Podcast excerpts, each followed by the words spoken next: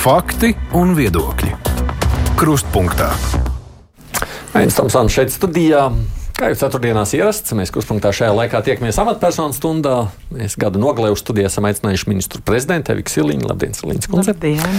Šī stunda ir atvēlēta iespējai uzdot savus jautājumus premjerei, uzaicinātiem žurnālistiem nu, un arī klausītājiem. Mēs mums šeit studijā Laura Ozoliņa, portāls TVNet, Financet un Ulris Česbers, Latvijas raidījuma ziņdienas. Sveiki! Labdien! Nu, klausītāji aicināt savus jautājumus izmantojot, tad Latvijas raidījuma viens mājaslapu tur iespēja nosūtīt ar savu ziņu. Nu, Gan jau kolēģi par to tālāko jautās. Es vienkārši izmantošu iespēju sākumā gribu jautāt par to, ko dara man kolēģi dot pieci studijā šeit pa domu laukumā, nu, kas arī šodien kulminē. Nu, tas temats, protams, tur ļoti plašs. Mums ir vairāk raidījumi arī šeit kruspunktā par to bijuši, bet eh, viens no tiem, par ko mēs runājam, arī bija par likvidētiem naukšēniem un to nepieciešamību veidot kaut ko jaunu vietā. Tā ir tāda terapeitiskā māja riska bērniem un pusauģiem. Tieslietu ministrija tātad virzīs šo valdībā. Tas, nu, kā mēs secinājām, tad, tad prasīs ap 11 miljonus eiro, ko tādu izveidot. Man tas interesējošais jautājums ir, jūs pati esat gatava personiski atbalstīt, nu, investēt šādā nu, nu, projektā, ja tā to drīkst nosaukt.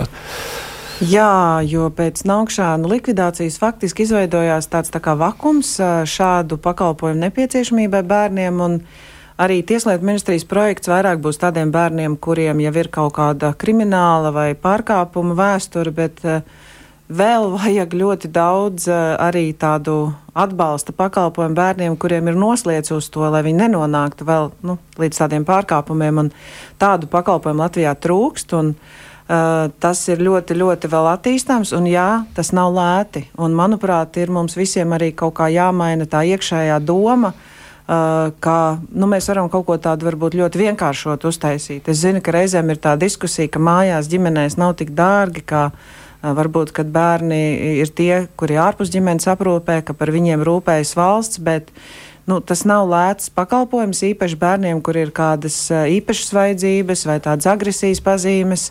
Tur ir vajadzīgi speciālisti, kas tiešām zina, ko darīt. Jo, Es arī vēl esot labklājības ministrijā uzsāku pārveidot bērnu tiesību aizsardzības inspekciju, kas faktiski arī bija viena no tiem, kas pateica, ka augšānos nav viss kārtībā.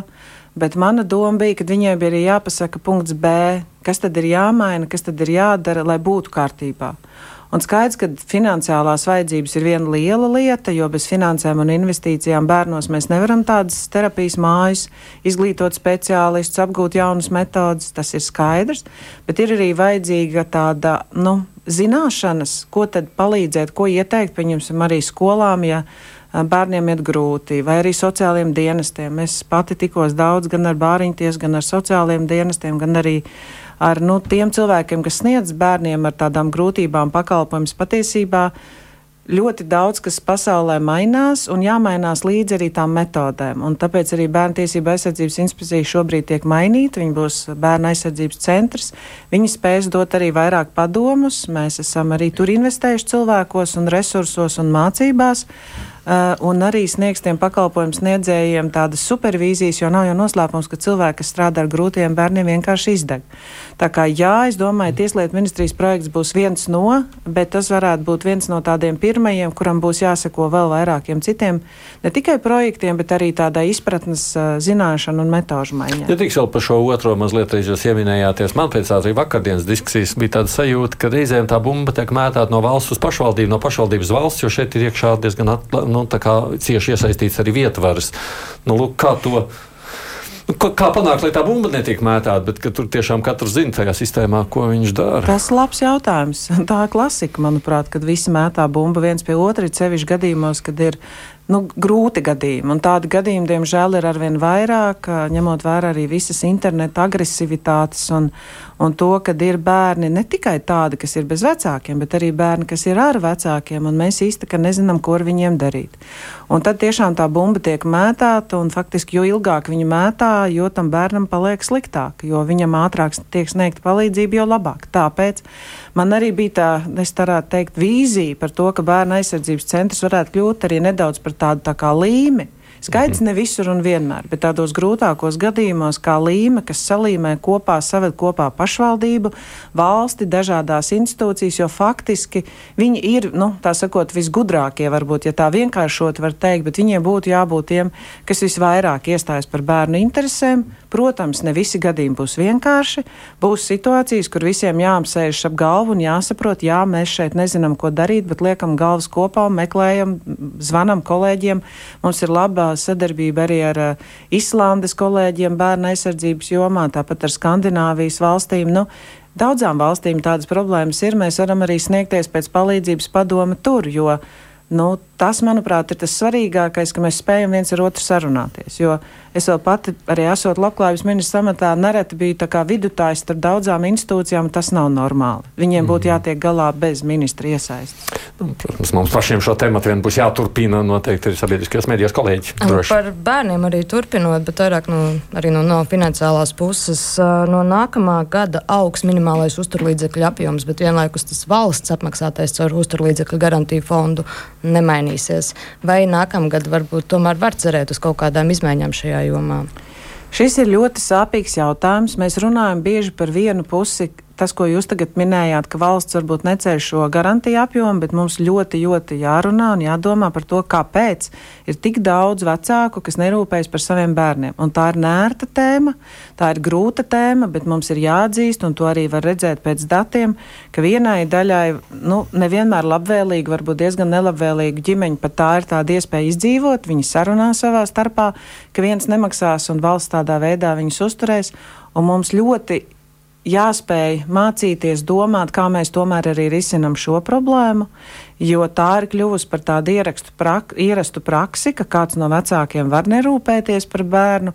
Un šobrīd vairāk kā pusmiljards mums ir parāds valstī ar neatgrieztajiem līdzekļiem. Tāpēc, ja mēs vēl vairāk šo celsim, tas nozīmē, mums ir paralēli jāatrod risinājums arī šie neatgrozto līdzekļu, nu, nu tās, tādas, es teiktu, Tāpat nav stāsts par naudu, vairāk par to neapzināšanos un tādu viegprātību, bezatbildību attiecībā pret savu bērnu, jo ne, neskatoties uz to, vai tev, eh, kā lai pasaka, ir labas attiecības vai nē ar to otru pusi, nu bērns tomēr ir un paliek tavs bērns.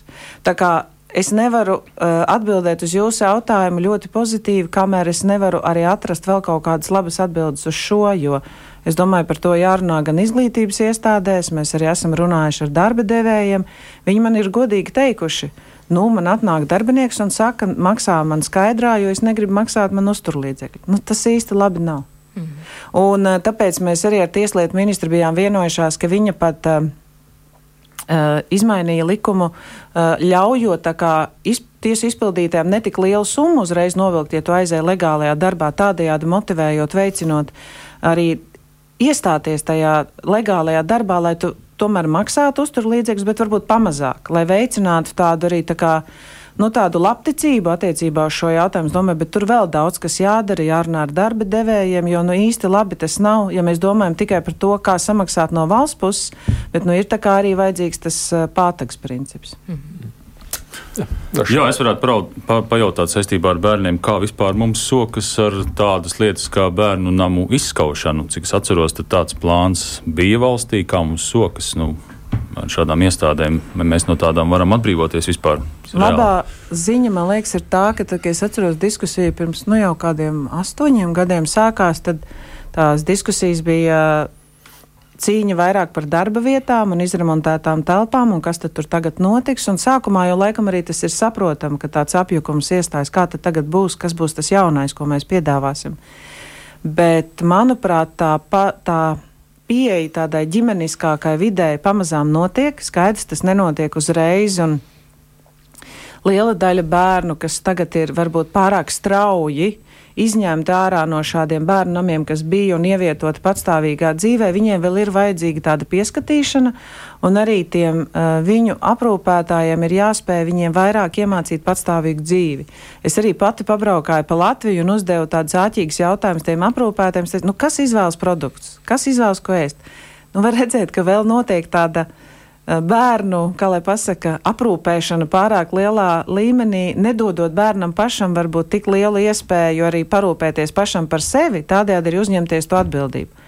Skaidrs, ka tas nav viegli. Uh, to bērnu, kas ir bijis jau diezgan ilgu laiku tādā bērnu namā, tagad ļaut viņam iemācīt dzīvot patstāvīgi, un tur arī noteikti ir vajadzīgas lielākas investīcijas, lai tā pārēja notiktu tiešām pakāpeniskāk. Bet labā ziņa, ka mēs vairs no jauna neivietojam bērnus tādos aprūpas namos.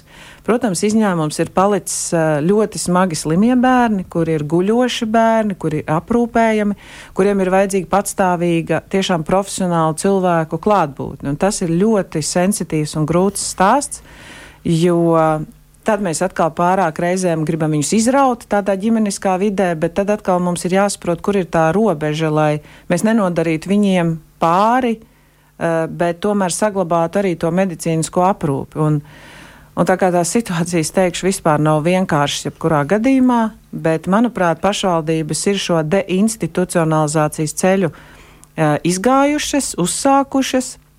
Šobrīd notiek eh, tāda pāreja no Eiropas fonda finansējuma, nu, tā kā samazināšanās posma uz to, ka pašvaldībām pašām jāuztur Man bija diezgan grūtas diskusijas arī ar pašvaldībām par šo, bet labā ziņa, ka visi saprot, ka atpakaļ atgriezties tur, kā bija, neviens vairs negrib.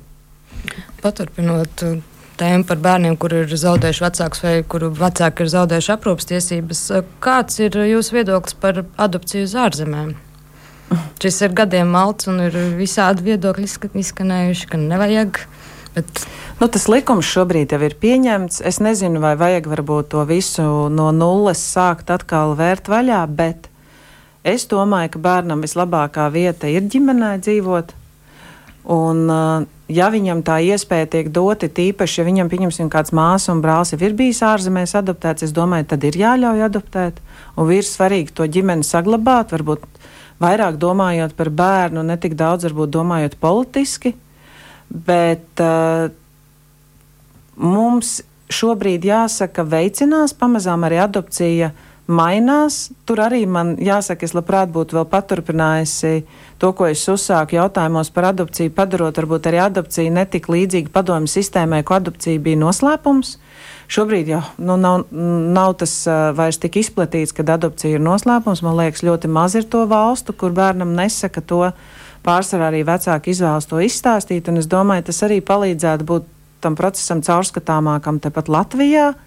Uh, uzlabot arī Latvijā to uh, sapratni, kādā veidā vecāki var adoptēt bērnus un veicināt bērnu adopciju. Jo, jo tas, manuprāt, ir viens no vislabākajiem brīžiem, ja bērns ir ārpus ģimenes aprūpē, kas ar viņu var notikt, ja, ja viņu adoptē vecāks. Mm. Ejam uz citiem tematiem. Pilnīgi noteikti. Tādēļ pārējie man ir divi jautājumi. Divi jautātāji gan vienu to pašu prasa. Nu, Lonijas uh, vārdiem jautājot, ja jūs varētu tikai vienu nelaimi Latviju atrisināt, kuru jūs izvēlētos? Tas tas Ziemassvētku jautājums man izklausās, bet divi cilvēki līdzīgi prasa. Es, es nevaru vienu izvēlēties, man grūti. Nu, viens, es tikko runāju par bērniem. Es gribētu, lai katram bērnam ir mājas. Laikam tas man būtu pirmais, ko es teiktu. Tiešām ļoti svarīgi un labas mājas.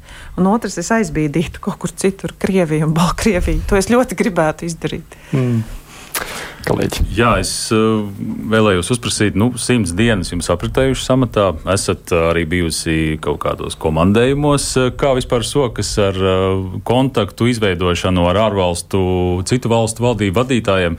Protams, pagājušajā nedēļā bija tā krāšņā fotografija ar Orbānu kungu. Nu, tur izskatījās, ka viņš jūs respektē. Kā, kā, kā pašai ir iejusties tajā vidē? Nu, jāsaka, ka jā, tā vide ir uh, arī ar saviem, uh, kā lai pasaka, ar saviem izaicinājumiem.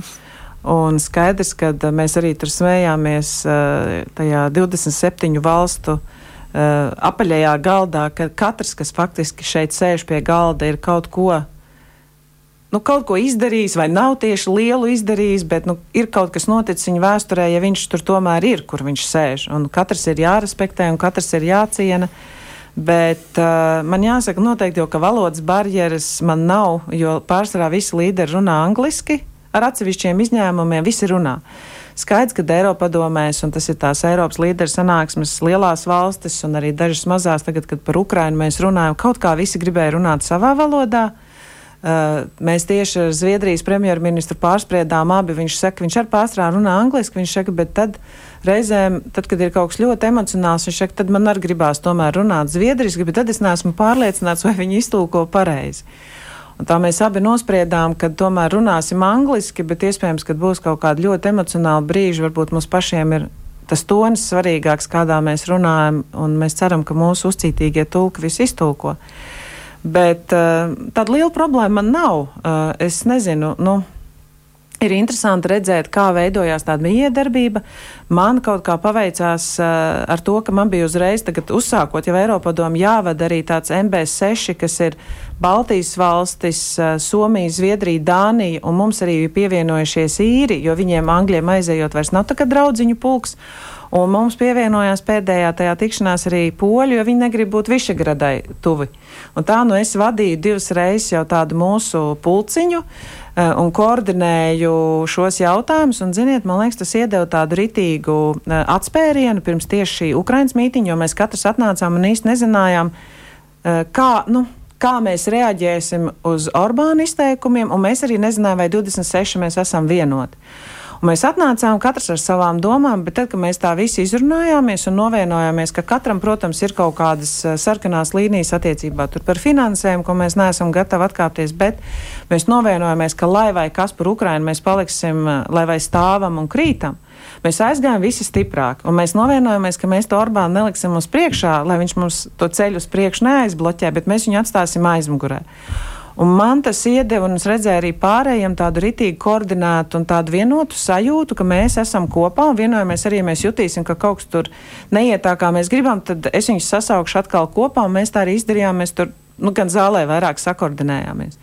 Un tas iedod, es teikšu, mēs tur tāds spēks veidojamies no šī bloka, kas ļoti labi izprot, kāda ir Krievija, kāda ir Baltkrievija, ko nozīmē nebūt ļoti lielām valstīm, bet uh, cīnīties par savu iedzīvotāju interesēm. Uh, un nu, būt skaļiem. Un, tas, manuprāt, ļoti palīdz mums visiem, jo nu, mēs varam runāt ar skandināviem līdzīgi, neskatoties to, protams, ka viņiem ir vairāk šobrīd jāiegulda Eiropā. Mums ir arī varbūt mazliet cita tā situācija, bet uh, mēs kaut kā spējam skatīties viens uz otru līdzvērtīgi, un, ziniet, tas ļoti labu kopējo to sajūtu dod. Tādu, mēs neesam tur kaut kāda mazā Baltija, jo kopš kara sākšanās Ukrainā, Baltijas valstis un arī Skandināvijas un Somija arī, kas piedzīvoja Krievijas uzbrukumu ļoti cieši. Nu, mēs diezgan labi spējam arī kolēģiem tulkot to, kas notiek. Un jāatcerās, ka mēs arī krievu valodu vēl daži spējam izlasīt, varam iztulkot burtiski. Bet kurām eh, nu, Eiropas daļas valstīm, varbūt ne valstīm, bet daļām, nu, ir vairāk jāskaidro par to, kas ir Krievija, kas ir Baltkrievija, jo es neticu, ka joprojām ir tāda nu, kaut vai tajā pašā Spānijā vai Portugālē, patiešām tādā pa, apziņā, kāds varbūt patiesībā ir draudz Krievija visai Eiropai. Es domāju, ziniet, nav vairs jāskaidro, jo mēs daudz runājam par Ukrajinu, mēs daudz runājam par Krieviju, mēs daudz esam runājuši, protams, arī par Palestīnu un Izrēlu. Bet varbūt ir jāsaprot, ka ne visiem tas ir tik akūti, eh, kā tas ir mums. Es pieņemsim pēdējā Eiropadomē arī teicu, ka vai tiešām, nu, argumentējot arī Ungāriem, ka vai tiešām jūs uzskatāt, ka kaut kas vēl Ukraiņiem ir jāizpilda tajā laikā, kad viņi karo, ka viņu sejas ir notraipītas ar asinīm, ka viņi ir netīri dubļos, jo viņi cīnās par savu valsti. Mēs gribam kaut kādas tādas reformas no viņiem paprasīt, ko mēs pat miera laikos nevaram. Ko vēl viņi no viņiem sagaida? Tas, ko viņi ir izdarījuši, manuprāt, ir apbrīnojami. Un varbūt tas, kas ir jāsaprot, ka daudzām varbūt dienvidu valstīm ir milzīga migrācijas problēma, un viņiem ir jāatbild arī saviem iedzīvotājiem uz šo nelegālās migrācijas spiedienu, kaut gan viņi tāpat laikā atbalsta arī Ukrainu. Un tur vienkārši akcenti ir lielāki. Mums milzīgs akcents ir hibrīda apdraudējums no Krievijas un Baltkrievijas arī tieši nelegālās migrācijas jomā. Mēs jau principā saprotamies, bet uh, tas akcentu, nu, vienkārši varbūt tās aktualitātes un spiediena akūtums ir, ir, ir dažāds, bet kopumā es teikšu, ka tā vienotība tur bija diezgan liela. Vairāk par stratēģiju mēs tur strīdējāmies. Attiecībā uz Ukrajinu tomēr joprojām nav izdevies vienoties par finanšu palīdzību šai karā cietušajai valstī. Bet tomēr izskanējuši no politiķiem vairāk mierinājumi, ka neskatoties uz to, bez palīdzības Ukraina nepaliks. Kāpēc ir tāda pārliecība, ja tomēr tās vienošanās nav? Nu, pirmkārt, jāatcerās, ka Eiropa jau tagad katru mēnesi Ukrainai piešķir 1,5 miljārdus eiro. Katru mēnesi. Un tas arī turpināsies. Mēs arī vienojamies, ka mēs tādu, to sauc par tādu bridžingu, es pat nezinu, kā to mehānismu, nu, tādu tiltu uztaisītu, arī ja mēs lemtu vēlāk, ka tikmēr, līdzīgi kā ir tad, kad budžetu pieņemsim valstī nepieņem, mainās valdības, tad tāpat ir spēkā tā iepriekšējā vienošanās. Līdz ar to attiecībā uh, uz Ukrainu viņiem būtu spēkā šī līdzinējā vienošanās, bet tas, ko uh, tas finansiālais atbalsts iedotu ilgtermiņā tādu uh, stabilitātes sajūtu Ukraiņiem, ka viņi zinātu, ka trīs gadus uz priekšu tas atbalsts būs. Jo šobrīd tas ir mēnesis, mēnesis, mēnesis, un tikpat labi jau var būt kaut kādi citi lēmumi. Tas jāatcerās, ka nav tā, ka Eiropa viņiem nesniedz atbalstu. Eiropa sniedz, un tāpēc sniedz arī militāru atbalstu, un divpusēja valsts vēl paralēli papildus tam sniedz atbalstu. Bet šis bija lēmums, kurš bija signāls ilgtermiņā, ka Eiropa ir vienojusies Ukrainu atbalstīt. Un tas ilgtermiņa aspekts ir vēl tas, par ko mēs nu, tur varbūt. Uh, diskutēsim, kas ir tie avoti, uh, no kā to finansējumu rast. Bet būs tie 50 miljardi. Es domāju, ka jā, mēs tiekamies tagad 1. februārī atkal. Bet jums nav bažu, ka Ungārijas piemēram varētu sekot arī piemēram Slovākija, kuras premjerministrs Fico nu, ļoti atklāti ir paziņojis, ka nu, nevajag palīdzēt Ukrainai vismaz militāri. Viņš uh, bija mūsu visu arī tad, kad es jums stāstīju par tām uh, valstīm, kas mēs satikāmies koordinācijas mītiņā. Mēs nezinājām, ko Fico teiks. Mēs nezinājām, vai mēs esam 26, un mēs ar interesi gaidījām viņa uzstāšanos. Nu, tās runas nebija patīkamas. Viņš nav nu, ļoti patriotisks, ja tādā atbalsta ziņā. Bet viņš nebloķēja mūsu visu kopīgo arī Eiropas stāju. Manuprāt, tas ir ļoti svarīgi, ka viņš to nedarīja.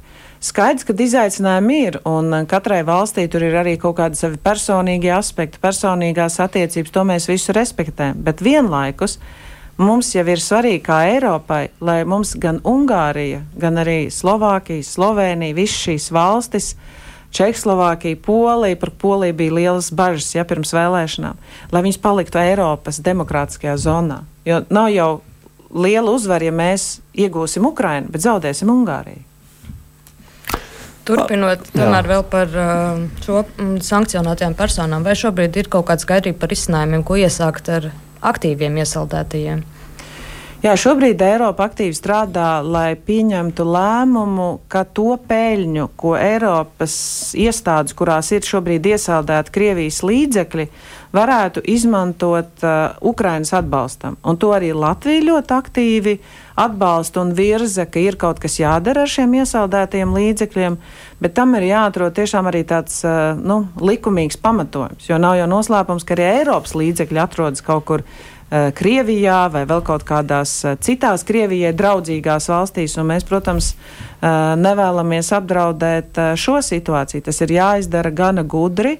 Un tāpēc kolēģi Eiropā diezgan strādā pie šiem risinājumiem. Mēs paši esam bijuši drosmīgi. Mēs esam Maskavas nama jautājumu diezgan drosmīgi, nu, tā sakot, virzījuši uz priekšu, pasakot, ka tas ieguvums, kas tiks iegūts par Maskavas nama pārdošanu, tiks nodots Ukrainas atbalstam. Tā kā nu, redzēsim, arī Igauni ir kaut ko līdzīgu pieņēmuši par Krievijas iesaldēto līdzekļu nodošanu Ukrainas atbalstam. Nu, redzēsim, kā mums veiksies ar to ietvaru. Bet attiecībā uz privātpersonām arī Latvijā ir NT nekustamā īpašuma un tā tālāk.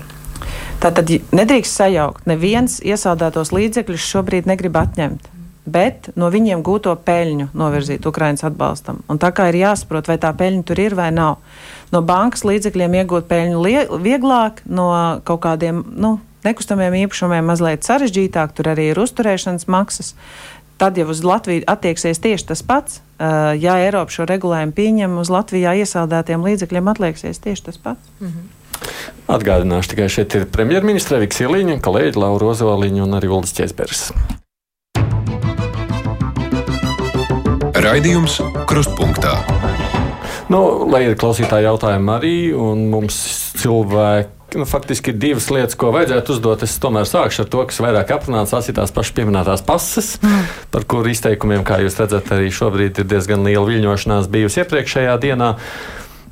Tas jautājums, ko prasa klausītājs, kāpēc mums vispār pasu maiņa nepieciešama, jo salīdzinoši nesen taču mēs pārgājām, vai tiešām šajā brīdī, kad ir tik daudz vajadzību, mums vajag atkal strādāt un pilnībā pārveidot jaunas pasas.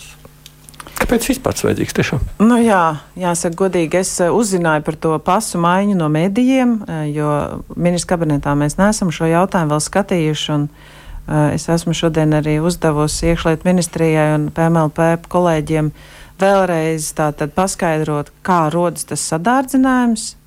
Jo nu, dubults sadārdzinājums ir ļoti liels sadārdzinājums, man tas īsti nav skaidrs.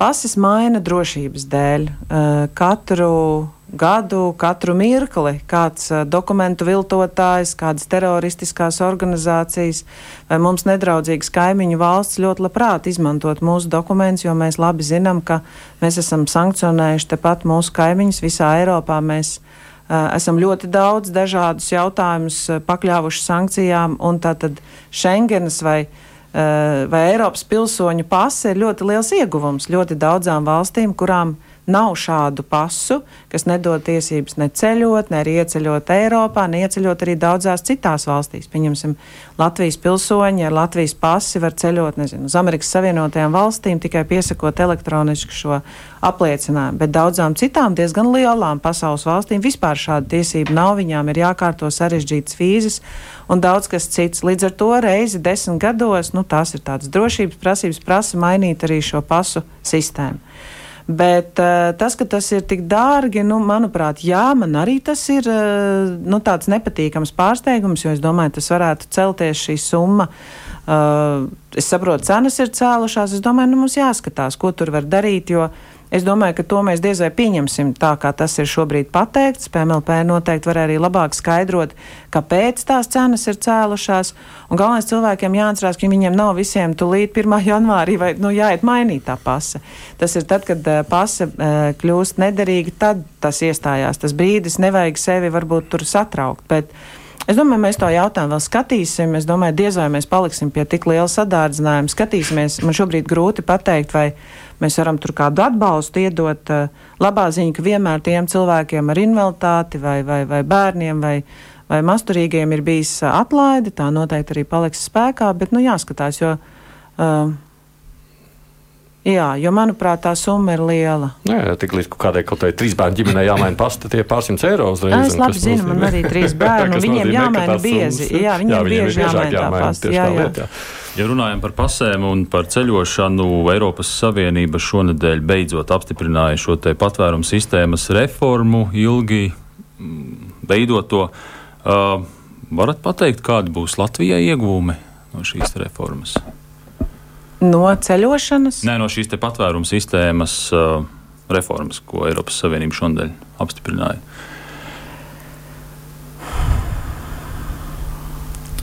Es neesmu šobrīd analizējis, ko uh, Eiropa tieši tagad ir, jo visu laiku mainījās pozīcija. Uh, Ne, nu vakar bija tāds uh, paziņojums, ka, ka tas ir apstiprināts. Es... Spāņi ļoti priecājās par to. Es vienkārši domāju, kā mēs, kā ārējās robežas valsts, nu, ko mēs no tā iegūstam. Mums bija svarīgi, lai ir skaidrība, kādā veidā atgriešanas politika tiks stiprināta. Tas visām Eiropas valstīm bija ārkārtīgi svarīgi. Uh, vai varēs ātrāk atgriezt tos cilvēkus, kas nelikumīgi ieceļo.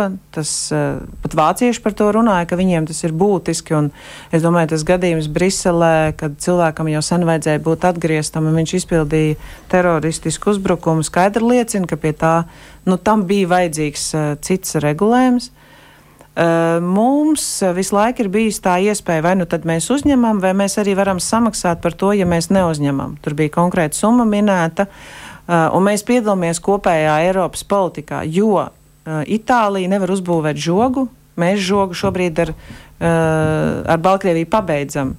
Uh, Grieķija nevar uzbūvēt žogu. Mēs nākamgad uh, diezgan aktīvi turpināsim būvēt žogu uz Krievijas. Un skaidrs ir tas, ka mums kaut kādā veidā jācīnās gan ar tiem cēloņiem, Un mēs par to daudz diskutējam. Jūs man jautājat par Ukrajinu, pieņemsim, šīs valsts diskutē, kā mēs varam tos cēloņus, kas ir Āfrikas valstīs, mazināt, lai nelegālā migrācija neturpinātos. Uh, un, uh, ar šiem cēloņiem lielāks akcents ir uh, veikt šajā migrācijas paktā, kā strādāt. Bet, nu, manuprāt, ja paliek tās tiesības izvēlēties, ka mēs arī varam maksāt, nu jāskatās, tad tā paliek mums tāda brīvība, vismaz opcija, ko mēs darām. Bet svarīgākais ir, ka mēs piedalāmies kopējā šajā lēmumā un ka mēs varam stiprināt mūsu drošības. Tas, ko mēs gribējām, mēs gribējām, lai mums piešķir vēl lielākas tiesības noteikt tādus kā ārkārtas stāvoklis, ka mēs vienkārši aizslēdzam savus robežas un pamainām vispār bēgļu politiku kā tādu es neesmu līdz galam pārliecināta, ka tur ir viss tas iekšā, ko mēs gribējām. Mēs tāpat kā redzam, Somija grib var aizslēgt robežu vai ne? Un, jā. nu, Somijas kolēģi ļoti konsultējās ar mums. Mēs bijām, diemžēl, bet mums bija smagāka pieredze ātrāk. Un mums ir arī ļoti nu, pastāvīga saziņa arī ar uh, kolēģi premjerministru no Somijas. Mēs regulāri sazinamies, jo Eh, jo viņi arī jautā, kā mums iet, jo viņi arī, protams, satraucās, ja viņi visu aizslēdz, lai mums tas pieplūdums neveidojas, bet pagaidām tā nav. Un mēs arī esam tās valsts, kas ir austrumu robežas valstis, eh, kas saka, nu mums vajag kaut kādas lielākas tiesības nepieņemt patvērumu meklētājus. Uh, lai Eiropa nevar pēc tam pateikt, ka mēs kaut ko pārkāpjam, ja mēs arī robežu punktos nepieņemam. Mēs visi labi zinām, ka mēs pateicām, ka tad, kad mums bija ārkārtējs stāvoklis, ka mēs pieņemam patvērumu meklētājus Baltkrievijas konsulātos vai vēl kaut kur. Un, uh, nu, par to varēja Par to varēja, protams, tur būt juridiskas uh, nianses, bet mēs gribētu, lai tomēr skaidrāk ir tas regulējums, lai valsts var tomēr aizstāvēt savas drošības un nacionālās intereses. Turpinot uh, par sankcijām un Krieviju, ko jūs domājat par potenciālu graudu plūsmas ierobežošanu no šīs valsts? Mūsu zemkopības ministrs uh, aizbrauca visa kabineta svētīts ar šādu pozīciju uz Eiropu, uh, ka graudu imports Eiropā no Krievijas nav vēlams un ka mēs aicinām Eiropu noteikt kopējas sankcijas, jo ir skaidrs, ka, nu, ja nosaka viena Latvija, tad tas īsti tā praktiski dzīvē nestrādās, jo mums jau nav robeža ar uh, Igauniju un, un uh, Lietuvu, piemēram. Nu, redzēsim, kā viņam veiksies, jo viņiem ir jāizcīna uh, tā cīņa, jāskatās, ko saka citas valsts Eiropā.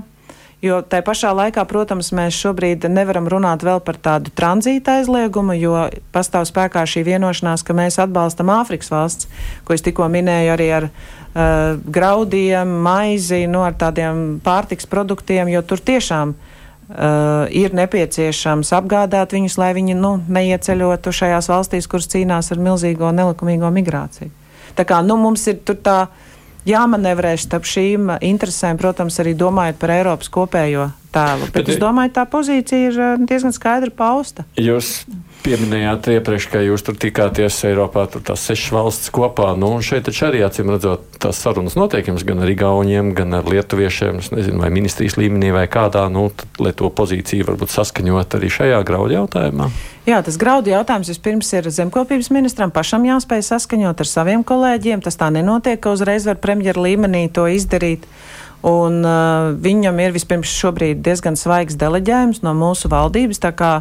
Uh, viņam ir uh, jāspēj atrast vairāk uh, savā, uh, savā jomā kolēģus, kas nu, tad arī varētu izanalizēt, lai viņi piekrīt. Un tad, kad mums būtu kāda tāda grupiņa, mēs varētu arī noteikti premjeru līmenī par to runāt, jo nu, ir vajadzīga tā, kā jau teicu, tā sabiedroto grupa, uh, lai, lai mēs būtu vairāki, kas varētu pozīciju paust. Uh, un tad mēs arī varam cerēt uz kādu rezultātu. Okay. Graudi nav vienīgā preču grupa, kas turpina virzīties pār mūsu robežām no agresoru valsts. Un, kā redzam, pēc eksporta importa bilances nu, nav tā, ka tur būtu nolīta. Ne tikai neskaitot graudus, vai kaut ko vēl ir plānots darīt, lai tomēr uzņēmējus uzrunātu, beidziet biznesu šajā virzienā.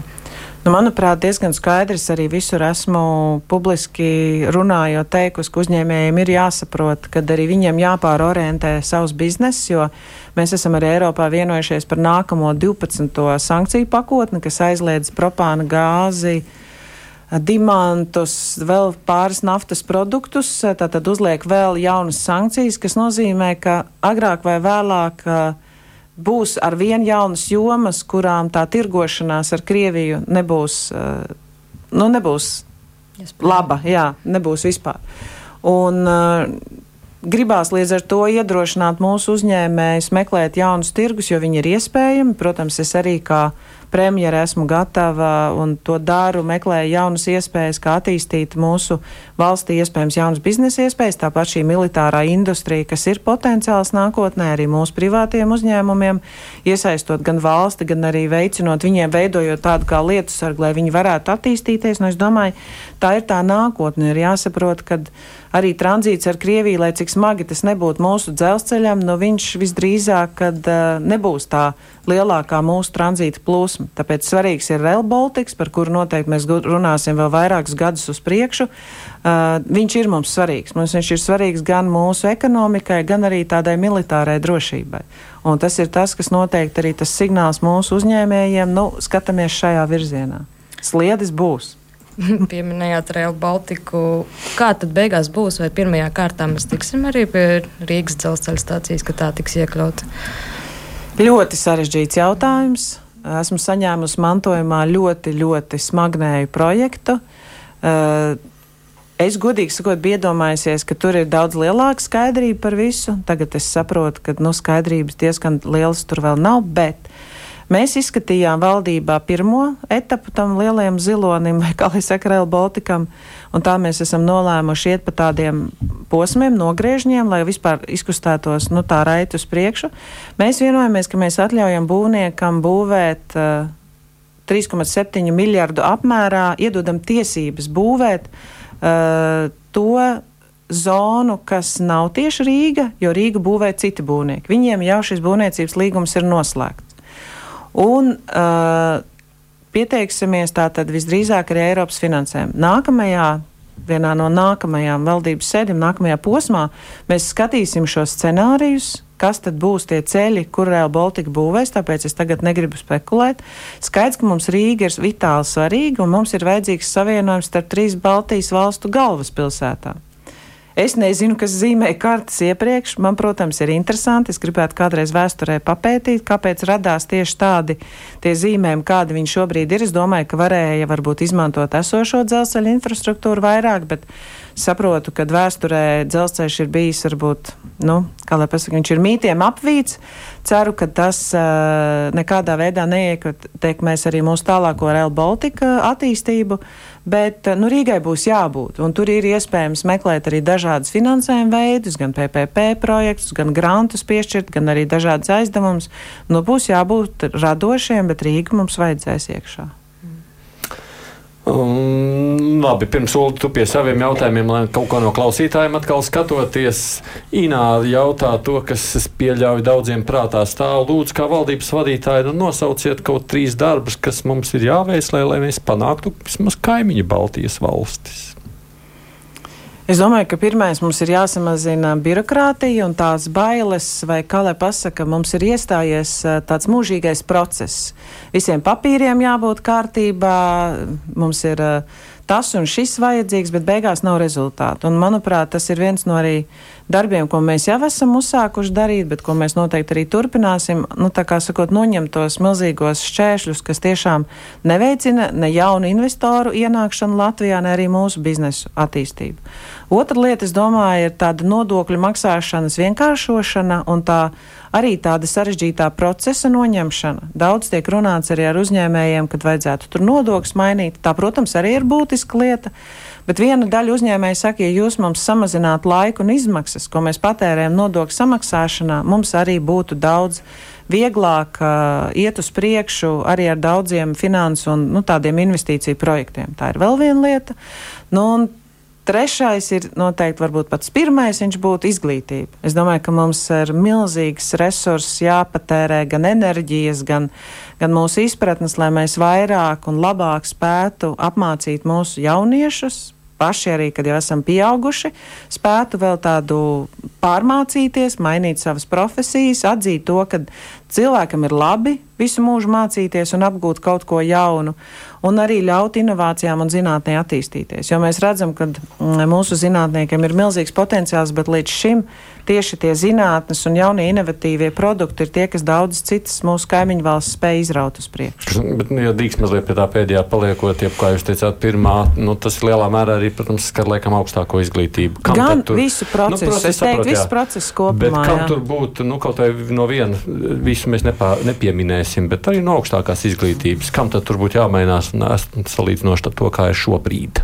Mums vairāk jārada tiešām uh, mācību process, kas rada pievienoto vērtību. Un tātad nevis mācāmies mācīšanās pēc. Nu, tātad mums šobrīd ir skaidrs fokus uz to, ka mēs vēlamies, lai attīstās tieši zinātne. Pieņemsim, mums ārkārtīgi trūkst uzņēmējiem lauksaimniecības jomā tieši zinātniskās izpētes jauno inovatīvo produktu veidošanu. Un, nu, tas augstskolām ir jāpārmaina arī savs, nu, iekšējais process. Bet kā to panākt valsts var? Tā tad eh, valsts var likt, un to, ko mēs jau tagad darām, uzliekam nevis uh, universitātes, ka viena aizpilda fakultātes, bet viņi uzliek skaidrus mērķus. Tātad inovatīvi produkti, uh, inovācijas, kāds ir tas saturs, un uz to visi strādā. Nevis strādā uz to, lai aizpildītu augstskolu, bet uzliek skaidrus mērķus. Šobrīd Tehniskā universitāte to ir izdarījusi un apvienojas arī vairākas universitātes un pakārtojas faktiski visu to iestāžu darbu, lai sasniegtu tos konkrētos mērķus. Viņiem ir rezultāti. Un, uh, tas nav viegls process, bet faktiski kaut ko līdzīgu arī mēs izdarījām nu, šo valdību un uh, veidojot šo budžetu, pieņemsim. Nevis mēs pateicām, katrai ministrijai tur būs savs tur tas uh, groziņš, bet mēs skaidri pateicām, būs šie trīs lielie mērķi, un visi tā kā sagrupējās, lai sasniegtu šos trīs mērķus. Nu, mums ir 275 miljoni veselībai. Pirms tam vispār tas bija neiedomājams uh, rezultāts, ko sasniegt. Un kaut kā līdzīgi uh, arī augstskolām, arī skolām uzlikt priekšā šo mērķi, šo saturu, nevis pakārtot tā kā iestādes vajadzībām, to, ko māca. Tas ir diskusija, protams, man jārīko par šo visu. Jā, es uh, turpināšu vairāk jā, par ārpolitiku. Polija, kas mums ir ļoti mūsu reģionam svarīga valsts, tur ir nu, pat notikusi valdības maiņa. Nu, ar kādām cerībām jūs lūkojaties uz Donalda Tuska nākšanu pie varas? Vai tas var mainīt kaut kādu dinamiku vispār Eiropā, nu, polijas nozīmi, kā jums šķiet? Es domāju, ka mums polijas vēlēšana rezultāts bija ārkārtīgi svarīgs tieši kā Latvijai un arī kā vienai no viņiem diezgan tuvām kaimiņu valstīm. Jo nav noslēpums, ka diezgan ar lielām bažām mēs visi raudzījāmies uz to, kas pēdējā laikā notika Polijā. Uh, Un tas ir tikai acīm redzot likumsakarīgi, ka šobrīd notiek tik lielas pārmaiņas arī visā tajā iekšējā procesā.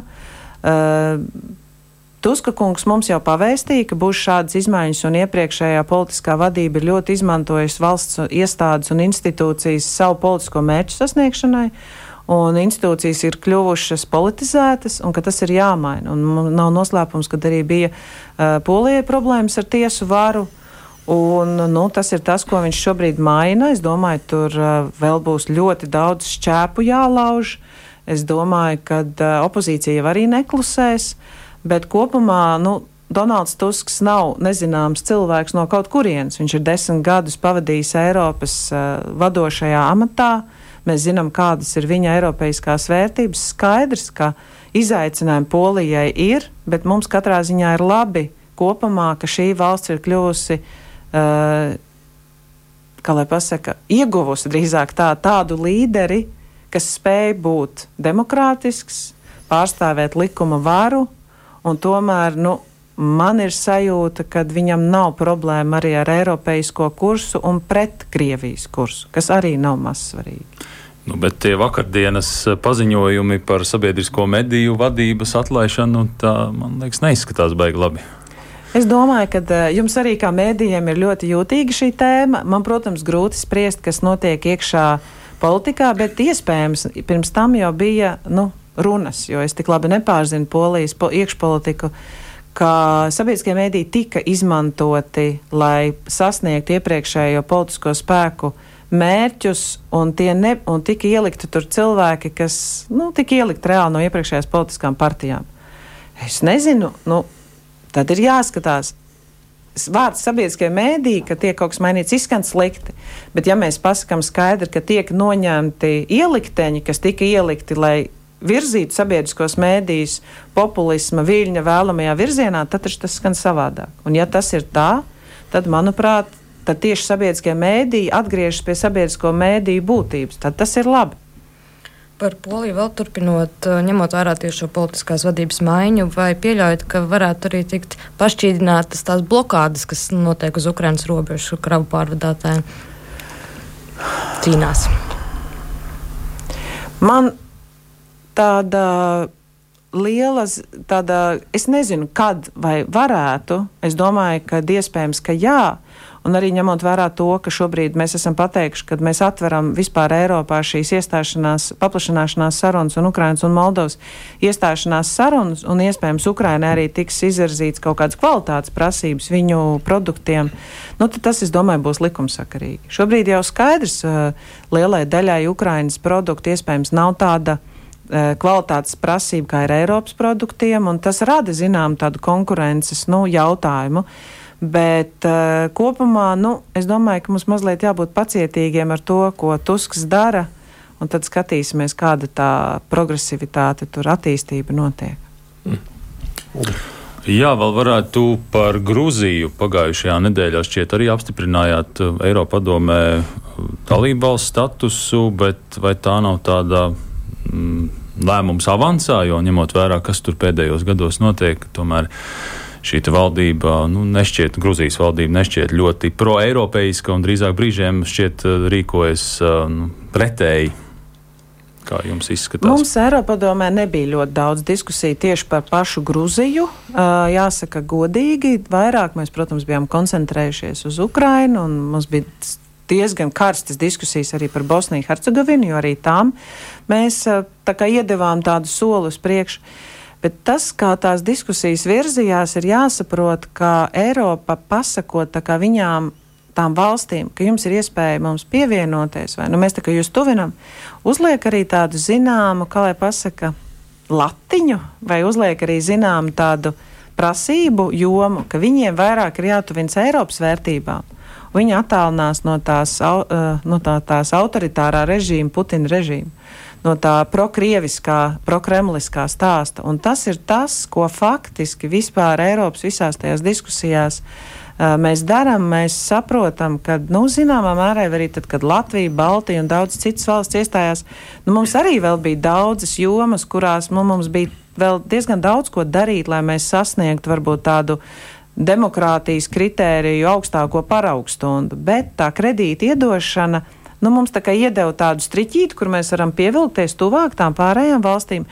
Bet, ja to neiedod, to kredītu, tad drīzāk kas notiek? Tu faktiski atgrūdi tos cilvēkus ticībā, ka jūs tuvināsieties Eiropai. Un vēl vairāk tas samazina iespējas tiem uh, politiskiem spēkiem vai tām institūcijām, kas cīnās par uh, eiropeiskām vērtībām, tas viņiem iedod tādu atkritienu atpakaļ un nostāda vairāk tajā prokremliskajā situācijā. Un tas bija tieši stāsts arī par Ukrainu, kā mēs sapratām, un to arī Zeļenskis savā uzrunā teica, ka viņam ir ārkārtīgi svarīgi tomēr saglabāt to ticību. Tas ir tas, kāpēc viņi cilvēki cīnās. Viņi grib būt piederīgi Eiropai. Bet, ja mēs pateiksim nē, tad mēs viņus vēl vairāk atgrūdīsim un vēl mazāk viņiem paliks motivācija nu, cīnīties par to, par ko viņi ļoti dārgi šobrīd maksā. Viņi maksā ar savu cilvēku dzīvībām. Viktors raksta Latvijas televīzijas viens kanālā Zīģis bija par Covid vakcīnām. Saprotams, tātad vakcīnas ar beigšos termiņu jānoraksta, un Eiropā tā kopējā summa 3 miljārdos eiro. Nu, labi, kas bija, bija, bet kāpēc mums vēl būs jāpērk jaunas vakcīnas? Tā skaitā Latvijai, kuras jau tagad zināms, ka būs jānoraksta. Jā, nu tas tāds. Uh... Es arī saprotu, ka cilvēkiem grūti saprotams. Man arī sākotnēji likās ārprāts, kāpēc mēs vēl pērkam. Tā lieta ir, ka Eiropa šobrīd cīnās, nu, kā varētu laust tos līgumus, ko viņi noslēdz. Jo jāatcerās, ka mēs noslēdzām tādu Eiropas līmeņa iepirkumu kopējo, tas mums deva iespēju vispār tikt pie tām vakcīnām tajā laikā, kad vakcīna nebija. Bet sekas ir tam, ka mums viņas arī ir nu, pienākums pirkt vairāk nekā mums viņas vajag. Un Eiropā Daudzas valstis šobrīd cenšas to kopējo iepirkumu pārtraukt un izreikināt, vai lētāk ir samaksāt kaut kādu to soda naudu vai līguma laušanas maksu nekā iepirkt. Nav tā, ka mēs iepērkam kaut ko vēl no jauna un jauna. Vienkārši ir iepriekš noslēgta līguma, kuri mums ir saistoši, nu, un tā ir tāda šobrīd situācija, kurai tiek meklēts labs risinājums. Man ļoti gribētos, lai mēs varētu beigt iepirkt šīs vakcīnas. Aplami līgumi noslēgti. Tā. Es negribu teikt, ka aplami, tā es varbūt neteiktu. Nu. Ne tālredzīgi. Iespējams, varbūt, bet nu, mēs jau esam aizmirsuši, kāda toreiz bija tā situācija, ka mira cilvēki. Un tad, protams, cīņa par vakcīnām un rinda pēc tām bija milzīga. Mums pat sākumā masku nebija. Noliem, Laura. Atgriežoties tomēr pie Krievijas un uh, morāles principiem, kāds ir jūsu viedoklis par to, vai Latvijas sportistiem vajadzētu piedalīties Olimpiskajās spēlēs? Es pārstāvu viedokli, ka es uzskatu, ka vispirms ir jāpacīnās par to uh, Startautiskās olimpiskās komitejas lēmumu, kas vispār ļauj piedalīties tiem sportistiem zem, neitrāli, zem, neitrāli, jā, zem neitrāla karoga. Jo, manuprāt, nu, mēs visi labi saprotam, kā bija arī iepriekšējās spēlēs, ka tas tika izmantots, lai propagandētu Krievijas uh, valsti. Un mēs arī esam pārnājuši ar izglītības ministri. Viņi ir arī ar citiem sporta ministriem Baltijas valstīs runājis, ka varētu uh, viņi veidot tādu vienotu vēstuli. Un te arī būtu labi, ja mēs būtu vairākas valstis, kas varētu griezties vēlreiz pie šīs starptautiskās olimpiskās komitejas, izskaidrojot, nu, ko tad patiesībā nozīmē šis neutralitātes karoks. Un ka mē, mums tas nav pieņemami. Tādējādi pacīnoties, lai viņi tomēr vispār tur nebūtu. Pirmkārt, tas man šķiet būtu vispareizākais, un to mēs darīsim. Otrakārt, tas ir katram sportistam jāizvēlas, un daži jau sportisti ir pateikuši, ka viņi nepiedalīsies. Un, um, man liekas, tas būtu vislabākais, ka sportisti paši izvēlas, ja nav izmainīts šis Startautiskās olimpiskās komitejas lēmums. Uh, Un uh, es arī respektēju un saprotu, ko nozīmē sportistam gatavoties četrus gadus uz olimpiādi. Un tas ir milzīgs darbs. Man tik ļoti emocionāli nepatīk, kad šāda starptautiskā olimpiskās komitejas lēmuma dēļ viņiem, tieši mūsu, citu valstu sportistiem, bet tiem neutralitātes valstu sportistiem atļauj piedalīties. Jo mūsu sportistiem tas iznāk ir nepieņemami. Un, tāpēc man ļoti gribās vispirms pacīnīties par to pirmo. Bet uh, mēs, protams, esam patstāvīgā saziņā ar pārējām valstīm, arī ar pašu Ukrainu, lai saprastu, ko darīs viņi. Nu, rīkosimies, tad attiecīgi arī saskaņoti ar pārējiem un Ukrainu, bet es domāju, vispirms arī tā ir tāda paša sportista izvēle. Vai šī te Putina rīkojums, ka tagad tiem sportistiem būs jāmaršē sarkanajā laukumā, es saprotu, nu labi, droši vien pēc olimpiādas, bet tā tā vakardienas ziņa bija, viņiem būs tagad jāparakst to, ka tur notiek sportistu parādis, un tie paši neitrālie droši vien tur reiz. Nu, tāpēc es domāju, ka vispirms būtu mums tomēr jāpanāk, ka viņi nepiedalās. Nu, tas būtu tāds visu mūsu arī vienotas nostājas, politiskais un arī tāds varbūt nu, pārliecības apliecinājums. Jo, nu, es domāju, tas būtu vis, vispareizākais, ko panākt. Tas būtu vislabākais. Tā kā, uh, nu, protams, es arī pieļauju, ka daudz sportistu beigās neaizbrauks, bet uh, es uzskatu, ka pareizāk būtu atcelt šo, mēģināt tomēr vēl pacīnīties, lai atcel šo jocīgo lēmumu. Man ir viena minūte, nav jēgas iesākt kaut ko ļoti nopietni. Mazliet varbūt būs nopietni. Turpinot par uh, Krieviju, Latviju pasēm, uh, kāds ir jūsu viedoklis par iespējamu pilsonības atņemšanu Avenkungam? Nezinu, kas tur ir vērtēts. Kaut kas ir vērtēts. Es nezinu, kas ir tās uh, šķēršļi, bet nu, jāvērtē, jāskatās, vai to var izdarīt. Bet vajadzētu izdarīt. Iespējams, ka vajadzētu. Viņš ir sankcionēts. Līdz jums šis jautājums vēl nav nonācis. Nē, vēl, nav, vēl, neesmu, vēl neesmu ar to saskārusies.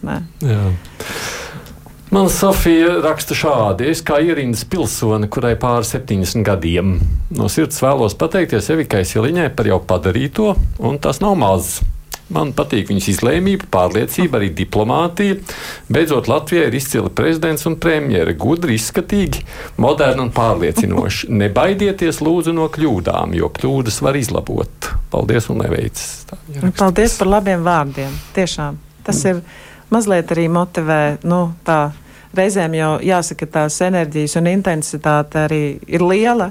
Un vakar arī es no rīta aizgāju uz raidījumu, noraudājusies, jo man bija ģimenē tur tādas lielas veselības problēmas tuviniekam. Skaidrs, ka tu neesi savā labākajā formā, tu kaut ko pasaki, un pēc tam tu redzi, ka viss Twitter cepās. Nu, tāda ir tā ikdiena. Politiķi. Nu, labi, Ziemassvētku laiks, tāpēc arī tāda vēlējums domāju, lai skan pēc iespējas vairāk mums visiem. Ministra prezidenta Evika Siliņa bija šeit studijā, Laura Ozoliņa no kolēģi no portāla TV, Netūlis Česbers pārstāvēt Latvijas raģio ziņu dienestu. Paldies jums visiem, ka atnācāt. Paldies Rīt, kā jau parasti piekdienās nedēļas aktualitātes vērtēs žurnālisti, gan jau kaut ko no šodien pārunāt arī pieminēsim, arī valdības simts dienas pārskatīsim, kā ir gājis.